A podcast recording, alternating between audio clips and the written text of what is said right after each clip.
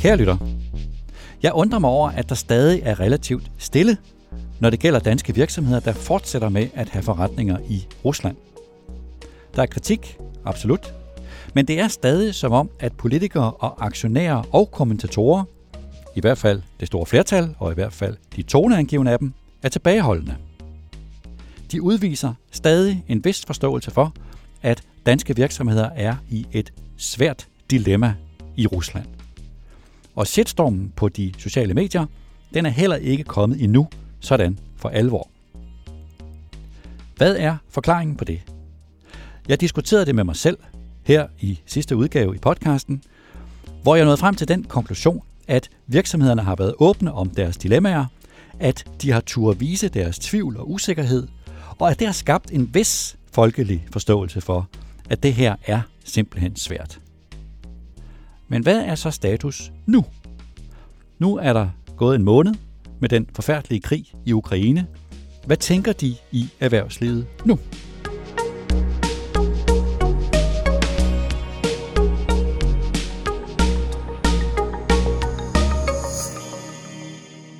Det er svært at få topcheferne i erhvervslivet til at fortælle noget.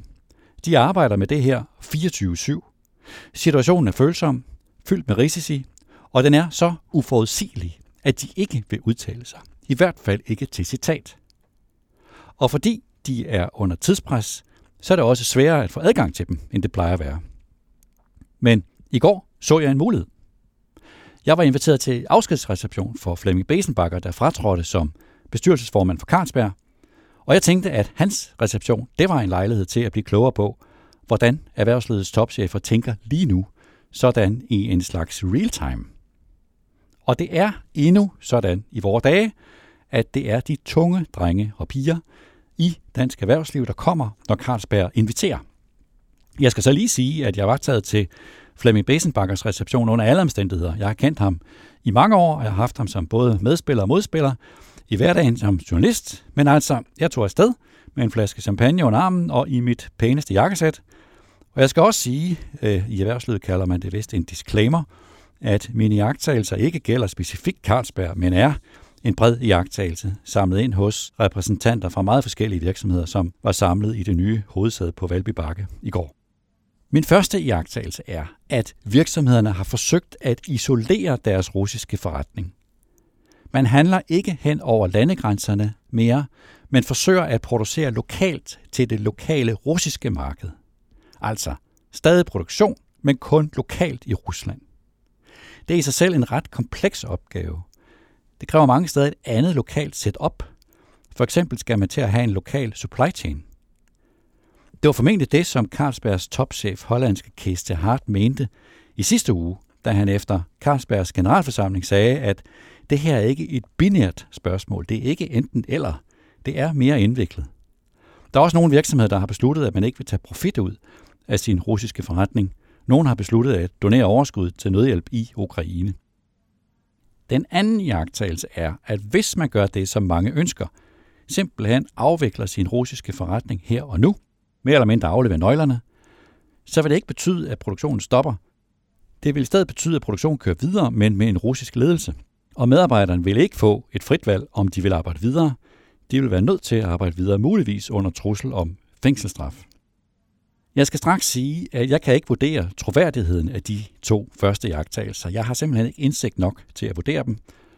Når jeg følger med i den internationale diskussion, for eksempel i Financial Times og på Twitter og på LinkedIn, så kan jeg genkende de her udsagn. Men gennemsigtigheden den er lav, og jeg tror ikke, at der er nogen, der for alvor har et overblik. Så det her, det er erhvervslivets egen udvikling af situationen, som den er nu. Den tredje jagttagelse fra receptionen i går, og den er så også min egen jagttagelse, er, at flertallet af danske virksomheder i Rusland, og sikkert også virksomheder fra andre lande, har som deres plan A, at de håber at kunne blive i Rusland på en eller anden måde. De er stadig i en situation, hvor de forsøger at vinde tid. De holder vejret, populært sagt, men de forventer et langvarigt forløb, og de forventer, at Rusland med Putin ved magten vil være en par i mange år, som ingen i Vesten vil have noget at gøre med. Men de er stadig mentalt der, hvor de ikke helt forestiller sig at trække sig definitivt ud af Rusland, eller at de i hvert fald kan trække sig ud på en kontrolleret måde, uden at destruere værdi og uden at sende deres medarbejdere ud i arbejdsløshed. Alt det kan ændre sig selvfølgelig, nærmest fra time til time, i hvert fald fra dag til dag. Og det erkender erhvervslederne, og de har lavet alle mulige scenarier, hvor krigens redsler og alvor kan udvikle sig sådan, at ingen, heller ikke på et helt personligt, menneskeligt plan, kan leve med at have noget med Rusland at gøre overhovedet, hvis nu for Rusland for eksempel skulle finde på at bruge kemiske våben. Så det hviler alt sammen på en knivsæk. Det er stadig meget uforudsigeligt. Og det er formentlig derfor, at der endnu efter en måneds krig er overvejende tavshed og stadig en vis folkelig forståelse for, at det er svære etiske og også svære praktiske dilemmaer, der er tale om.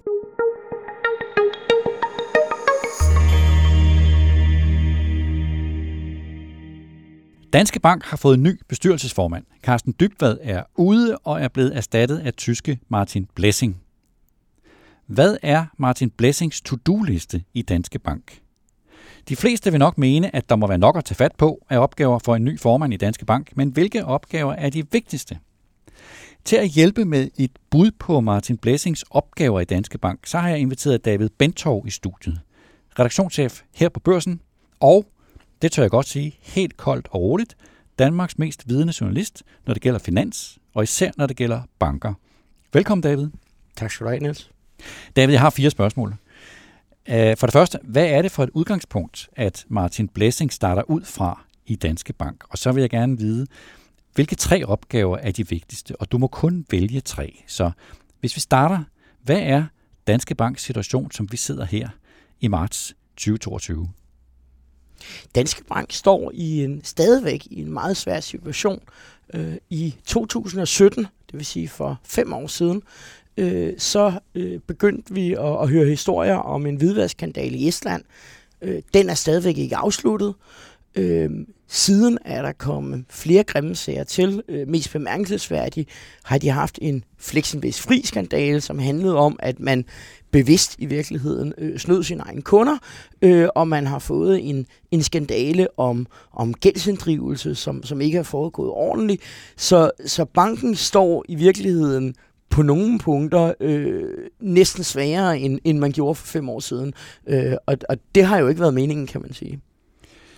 Det udgangspunkt, som banken står i, kan man så sige, okay, nu øh, kan man sige meget om Carsten Dybvad, men nu må man gå ud fra, at alle problemerne er lagt frem. Nu kan banken trods alt begynde at se fremad. Nu kommer der ikke flere dårlige oplysninger eller dårlige nyheder fra fortiden. Kan man ligesom lægge det til grund for, øh, som ny bestyrelsesformand?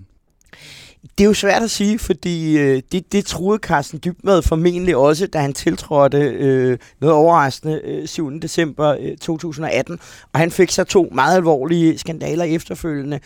Øh, men, men med mindre man tror, at, at der er noget sådan helt fundamentalt galt i Danske Bank, sammenlignet med, med andre tilsvarende store banker, altså, så, så er det vel egentlig svært at, at forestille sig, at, at der skal ligge flere grimme sager i hjørnerne, men, men man må også sige, at, at man skal aldrig sige aldrig. Men det vil sige, at vi må ligesom gå ud fra, trods alt, at Martin Blessing går ind til opgaven med sådan en spilleplade, der er nogenlunde overskuelig. Altså han har nu de oplysninger til rådighed, han skal bruge for at kunne træde karakter som ny bestyrelsesformand. Så på det grundlag, eller med den forudsætning, hvis vi prøver at tage fat på de tre vigtigste opgaver, han, fordi der er mange, men, men hvis vi kan, skal fokusere på tre, hvad vil du, øh, som den første opgave, øh, den vigtigste opgave, hvad er det? Så den vigtigste opgave for ham, det er, at, at, at lad os nu glemme, at, at Danske Bank er Danske Banker, det er en bank. Lad os se på det som en virksomhed, og lad os sammenligne med, med konkurrerende virksomheder. Og det er helt klart, at, at bankens indtjening øh, er ikke lige så stærk som, som store nordiske konkurrenter, som SEB og Nordea. Øh, og, øh, og der er man altså nødt til at, at få løftet indtjeningen, også fordi at, at investorerne viser jo, at de ikke har tillid til, at banken kan tjene penge i fremtiden. En danske bankaktie koster i dag øh, halvdelen af, hvad den gjorde for fire år siden. Øh, og, og det er helt klart, sådan, som jeg ser det, øh, hans, hans første udfordring. Og det vil sige, det er jo en rent kommersiel opgave, som enhver virksomhed står i. Altså du skal simpelthen løfte din toplinje, du skal skabe vækst og gøre din forretning større. Ja. Hvilke værktøjer har han, hvilke håndtag kan han gribe i for at løse den opgave? Jamen for mig så kommer vi i virkeligheden videre til til din, øh, det, du spørger efter, hans, hans anden og tredje opgave. Øh, og jeg ser, at hans, hans anden opgave er øh, at få styr på bankens omkostninger. Øh, man har helt klart følt et, et behov for at investere massivt milliardbeløb i at blive bedre til at opdage hvidvask og, og følge regler osv. Og, øh, og det er helt sikkert en god beslutning, men, men det har været meget, meget dyrt, og det er meget, meget dyrt. Øh, Danske Banks indtægter følger egentlig nogenlunde konkurrenterne. De er ikke store, men det er det heller ikke for, eller der er ikke meget vækst, men det er der heller ikke for andre store banker.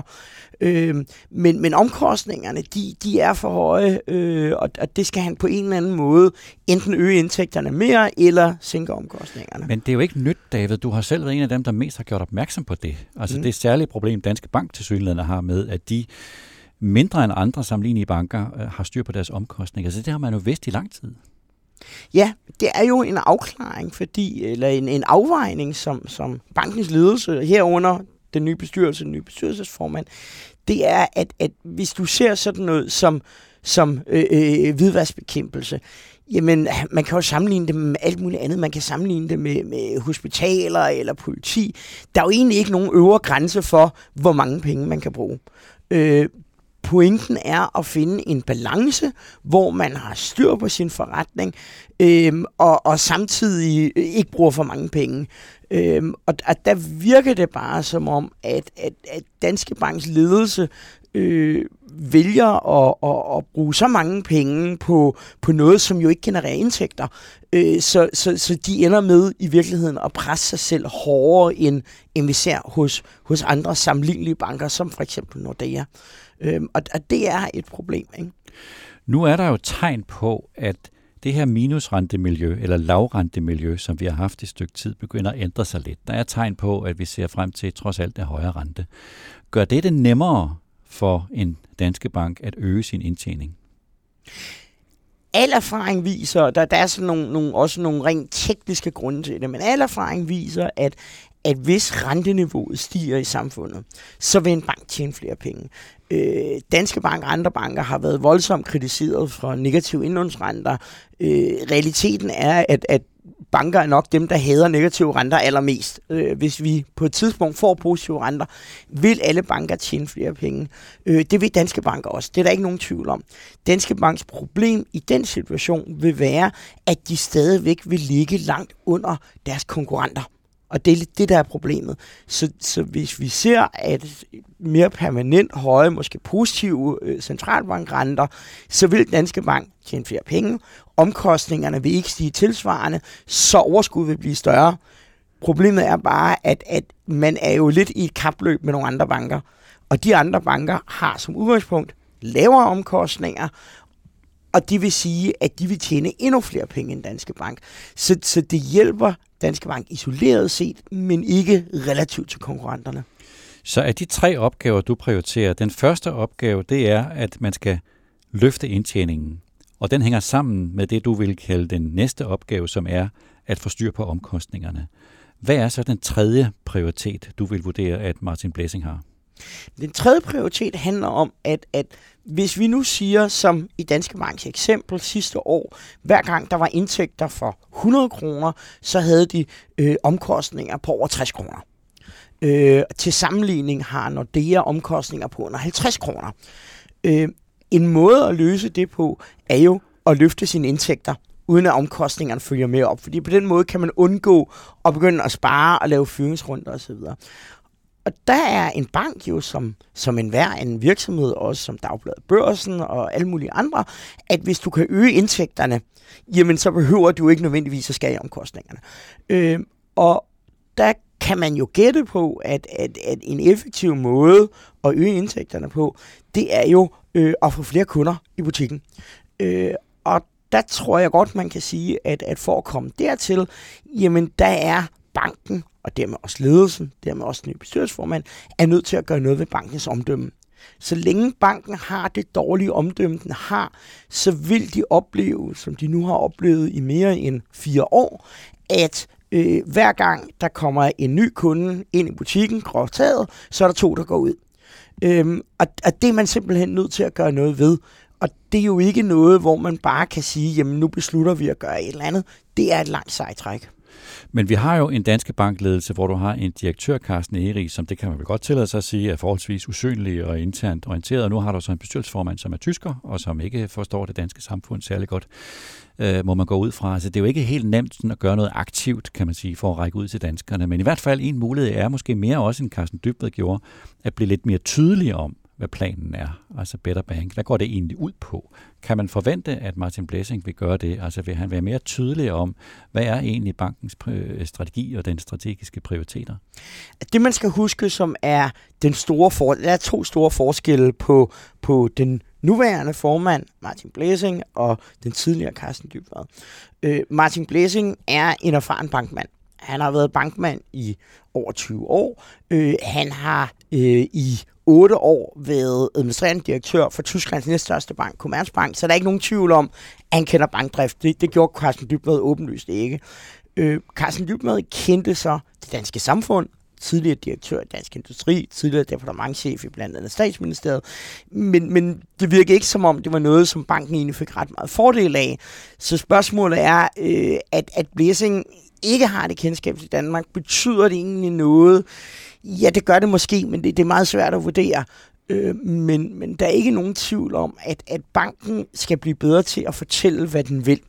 Hvis, hvis vi tager Frank Wang Jensen i Nordea, så har han, siden han tiltrådte i efteråret 2019, øh, hvor banken også havde problemer, så sagde han, jamen, vi skal spare på omkostningerne, vi skal levere bedre produkter øh, til kunderne, og vi skal i det hele taget blive mere effektive. Det er meget konkret. Det er tre mål, han gentager dem og gentager dem og gentager dem. Det vi har set fra Danske Bank, det er, at de har et projekt, øh, som blev lavet under den tidligere direktør Chris Fogelsang, som hedder Better Bank. Øh, jeg har dækket Dansk Bank i 25 år. Jeg har ingen idé om, hvad det betyder. Altså alle vil vel være en, en better et eller andet, hvad man nu laver, men hvad indebærer det konkret? Hvad stiller der krav til medarbejderne? Hvad stiller der krav til banken? Hvordan får kunderne fordel af Better Bank? Jamen, jamen det, det er de simpelthen nødt til at fortælle, fordi jeg har ingen idé om, hvad det indebærer. David Bentov, tusind tak, fordi du er med. Selv tak.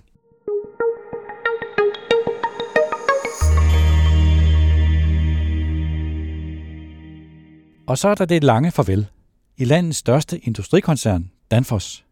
Eller man kunne kalde det for kunsten at læse en pressemeddelelse. Jeg undrer mig tit. Det er nærmest blevet en fix idé for mig, at jeg forsøger at undre mig igennem min hverdag og mit arbejde. Og hvis du, kære lytter, har lagt mærke til, at vi her i podcasten har fået en jingle, et lille stykke musik, så er det komponeret med den ambition at udtrykke det at undre sig jeg er meget taknemmelig. Det er faktisk noget, som jeg har ønsket mig helt siden jul, og nu er det altså lykkedes at få musik i podcasten, ligesom i de rigtige podcasts. Nå, det var et tidsspring. Jeg undrer mig som sagt, og når jeg får næsten den samme pressemeddelelse med et års mellemrum, så er det, at jeg undrer mig. Forleden fik jeg en pressemeddelelse fra Danfoss. En glad pressemeddelelse, der fortalte, at Danfoss nu gennemfører et generationsskifte, hvor ejerfamiliens anden generation, brødrene Jørgen Mads Clausen og Peter Mads Clausen, træder tilbage og overlader føringen, som de kalder det, til familiens tredje generation. De to sønner og fædre, som hedder Mads Clausen og Mads Peter Clausen. Når jeg undrede mig, så var det fordi, jeg fik stort set den samme pressemeddelelse fra Danfoss for et år siden, og med præcis det samme budskab – den eneste forskel på de to pressemeddelelser er, at i den nye pressemeddelelse bliver der sat navn på den nye formand, som bliver den nuværende næstformand, Jens Bjerg Sørensen. Det er altså den beslutning, som de har brugt et år på at træffe i Danfoss. Er det ikke lidt underligt, spørger jeg. Min iagtagelse er, at de trækker tiden ud i Danfoss. Deres generationsskifte er meget følsomt, og det er åbenbart også så svært, at det trækker ud og trækker ud. De forsøger ganske vist i Danfoss at tegne et fredeligt billede af et generationsskifte i god ro og orden. Citat står der i pressemeddelelsen, citat, Danfoss AS gennemfører nu det planlagte generationsskifte i ejerfamilien, citat slut, skriver virksomheden. Og fortæller, at Jørgen Mads Clausen fratræder som bestyrelsesformand for Danfoss AS og afløses af næstformand Jens Bjerg Sørensen, på generalforsamlingen på fredag. Men når man ser på, hvad der sker i ejerfamilien, så sker der alene det, at de to sønner af Jørgen Mads Clausen, henholdsvis Peter Mads Clausen, får plads i både virksomhedsbestyrelsen og fondsbestyrelsen. De to, altså Mads Peter Clausen og Mads Clausen, har indtil nu siddet i hver deres bestyrelse. Så det er ikke en nyhed, at de to nu skal sidde i begge bestyrelser. Det stod allerede i pressemeddelelsen for et år siden. Hvis der er en nyhed om familiens generationsskifte, så er det, hvis en af de to får posten som næstformand i virksomhedsbestyrelsen efter generalforsamlingen på fredag. Den ubarmhjertige sandhed er, at tredje generation, Mads Peter Clausen og Mads Clausen, er usynlige. De udtaler sig heller ikke i presmeddelelsen, som i øvrigt domineres af Jørgen Mads Clausen, og de tre vedhæftede billeder er alle af Jørgen Mads Clausen. Jørgen Mads Clausen siger i en udtalelse i pressemeddelelsen, citat, Nu er det tid for den næste generation at tage føringen. Timingen er vigtig for mig. Citat slut.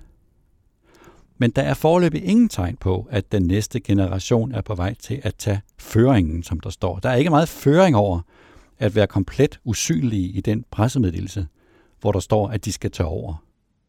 Og set i lyset af, at pressemeddelelsen om det her følsomme emne helt sikkert er formuleret med stor omhu, så er det tankevækkende, at Jørgen Mads Clausen udtaler, at timingen er rigtig for mig. Man må gå ud fra, at det vigtigste hensyn, når en virksomhed skifter formand, er hensynet til virksomheden og ikke hensynet til mig. Djævlen ligger altså i detaljen, som bekendt, og man må frygte, at det bliver svært for Jørgen Mads Clausen at give slip på sin indflydelse i Danfoss. Så hvis Danfoss vil gennemføre et reelt generationsskifte, så må de give plads til den nye generation. Og hvem er Mads Peter Clausen og Mads Clausen egentlig? Hvad kan de? Hvad ved de med Danfoss? Har de en drøm fra Danfoss, som de ligger vågne om natten og tænker på? Og endnu mere vigtigt, hvilken rollefordeling skal de to have i fremtiden? Er man begyndt at gøre sig overvejelser om det? Eller kan man simpelthen ikke blive enige? Er det måske der, at hunden ligger begravet?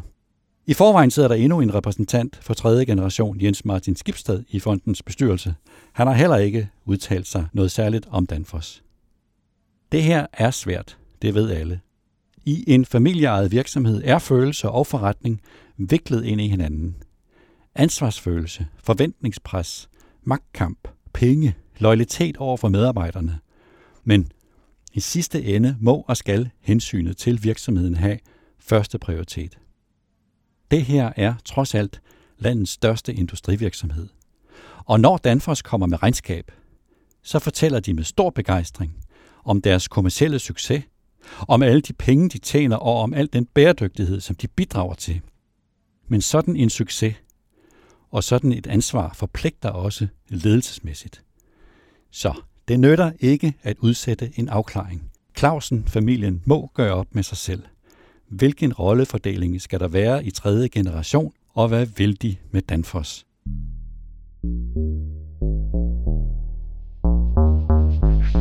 Det var denne uges udgave af Topchefernes Strategi. Lidt tidligere på ugen end normalt, fordi chefen, Bjarne Korydon og jeg skal undervise torsdag og fredag på vores bestyrelsesuddannelse, som vi på børsen udbyder sammen med Copenhagen Business School, CBS. Måske noget for dig, kære lytter. Bare seks dage med intensiv undervisning, og vi har haft udsolgt på de første tre hold. En super oplevelse, som jeg er taknemmelig over at få lov til at være med til. Tak til Mie H. Christensen, der redigerede udsendelsen. Tak til dig, der lyttede med.